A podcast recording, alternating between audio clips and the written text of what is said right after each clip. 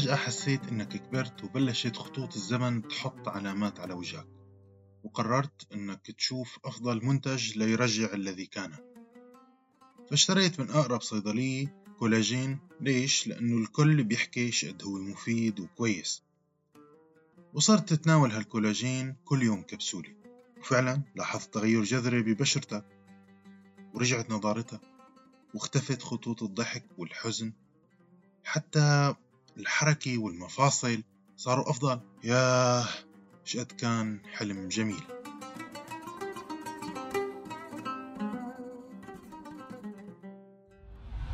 هذا البودكاست بالتعاون مع بودلاينز أهلا بكم معي أنا دكتور عبد المنان فاضل دكتوراه بالتغذية العلاجية وأنت تستمع لبودكاست تغذية بالعربي. فيا أهلا وسهلا بحلقة جديدة.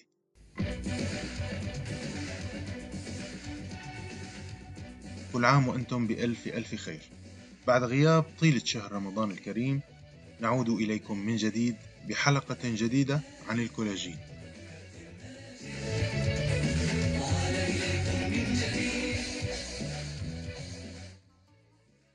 صحيح إنه في كتير أعداد من الناس عم يتحولوا ويصيروا نباتيين ولكن فينا نقول إنه أغلبية البشر لحد هاللحظة اللي عم نحكي فيها بياكلوا لحوم.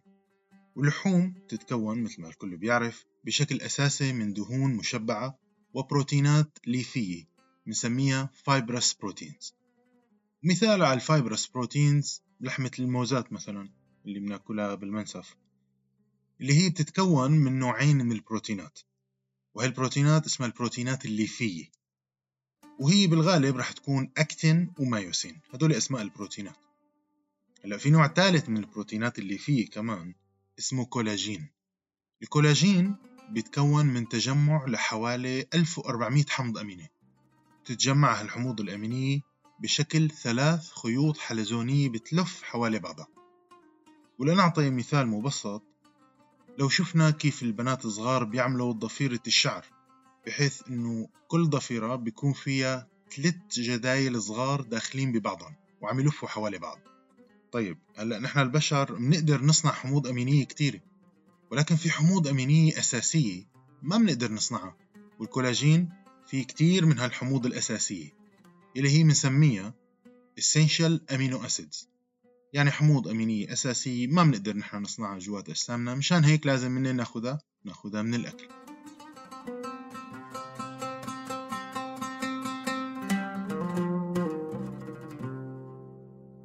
الكولاجين كتير مهم لبناء الأنسجة الضامة والغضاريف اللي بالجسم تقريبا حوالي 30% من البروتينات بجسمك هي كولاجين. وفي عنا كتير أنواع من الكولاجين ولكن المشهور منها هي تقريبا خمس أنواع. تصور هالمعلومات كلها معروفة ممكن تلاقيها على ويكيبيديا. مشان هيك خلينا هيك نفوت بالغميق شوي خلينا نفوت أكثر بالتغذية. طيب هلأ قد تتفاجأ لما تعرف إنك أنت أساسا بتاكل كولاجين بكميات جيدة. يعني تخيل إنه بكل طبخة فيها لحم بعظمه أو دجاج أو حتى سمك لازم يكون فيها كولاجين. وقد يتساءل مراقبون ويطرحون سؤالا. إنه طيب نحن ما بناكل لحم بدون ما نطبخه ونطهوه؟ وهالكولاجين اللي هو بروتين موجود باللحم عم تقول طيب ما رح يتخرب بالحرارة؟ وهنا يجب العودة لأساسيات الكيمياء. واللي بتقول إنه البروتينات كلياتها اللي بناكلها لا يمكن لا يمكن تحطيمها أبدا لا بالحرارة ولا بالحموضة ولا بأي طريقة. طبعا إلا إذا عم نستخدم حموضة كتير شديدة. ولكن ما يحدث هو أنه التركيب الفراغي والبني الثلاثية للبروتينات هي اللي بتتغير. فمثلا بيكون عندنا شكل حلزوني بأنه حموض أمينية عم تتجمع وتترتب هيك ورا بعضها وتلف مثل الخيط تبع السلك تبع التليفون القديم. هذا الخيط بصير إنه ببعدوا الأجزاء تبعته عن بعض بس هيك. أما ترتيب الحموض الأمينية الأساسية ما راح يتغير ابدا. هذا شو؟ هذا بده هضم وإنزيمات جوا الأمعاء الدقيقة وجوا المعدة لحتى نقدر نحطم التسلسل من الحموض الأمينية. وخلينا نضرب مثال للتبسيط آه، مثلا قلي البيض. لما بدنا نروح نحن ونقلي البيض البيض فيه بروتين. البروتين اللي بالبيض لما بنقليه ما راح يتحول لمركب تاني مثلا. ولكن اللي بيصير إنه هو شكله الفراغي هو اللي بيتغير. بينما تركيبته وترتيب حموضه الأمينية لن يتغير إلا أيمت عند الهضم داخل الجسم. خليني أذكر مثال طبخة كمان مثلا برغل البرغل مع دجاج. بنجيب الدجاج وبنقطعه مع العظم تبعه وبنحطه بطنجرة مليانة مي. وبنتركهم مثلا عم يغلوا لمدة ساعة كاملة. وبعدين نترك الطنجرة على جنب لحتى تبرد بدون ما نحركها. ومنلاحظ هون إنه في طبقة من الجيلاتين تكونت. وهذا الجيلاتين يا سادة يا كرام هو نفسه وذاته هو الكولاجين يعني نفسه ما متغير. الحموض الأمينية اللي مترتبة ما راح تتغير ما راح تتحطم ما راح تتفكك نفسها نفسها اللي بيصير إنه بعد ما نحل البروتين أو الكولاجين بالمي الساخنة تغير شكله الفراغي وخلاص صار جيلاتين. فسميناه جيلاتين. بس سموه إنتو كولاجين إذا طيب آه وهكذا يتوضح بإنه الكولاجين ينتشر في أغلب الأكلات اللي نحن بناكلها بالأساس. يا سيدنا حتى ممكن إذا بدك تاكل حلو الحلو مثلا الجيلاتين مثلا الجيلي الجيلي إذا بتقرأ التركيبه تبعته إذا جاي مثلا من جيلاتين بقرة هذا هو نفسه كولاجين.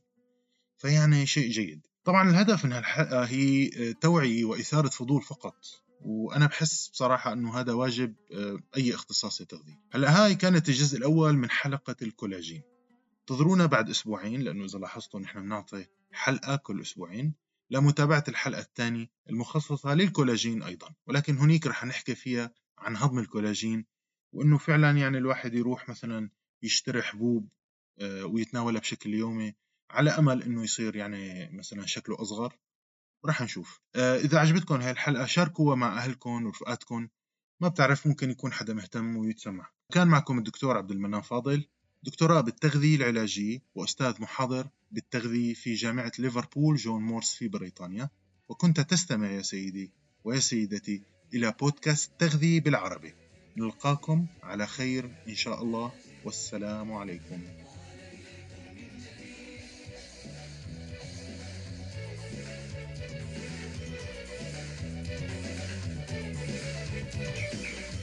هدفا حقق فوزا ضاعف جهدك في التمرين لن تحرز أهدافا حلوة إلا بالتصميم. سجل أهدافا لا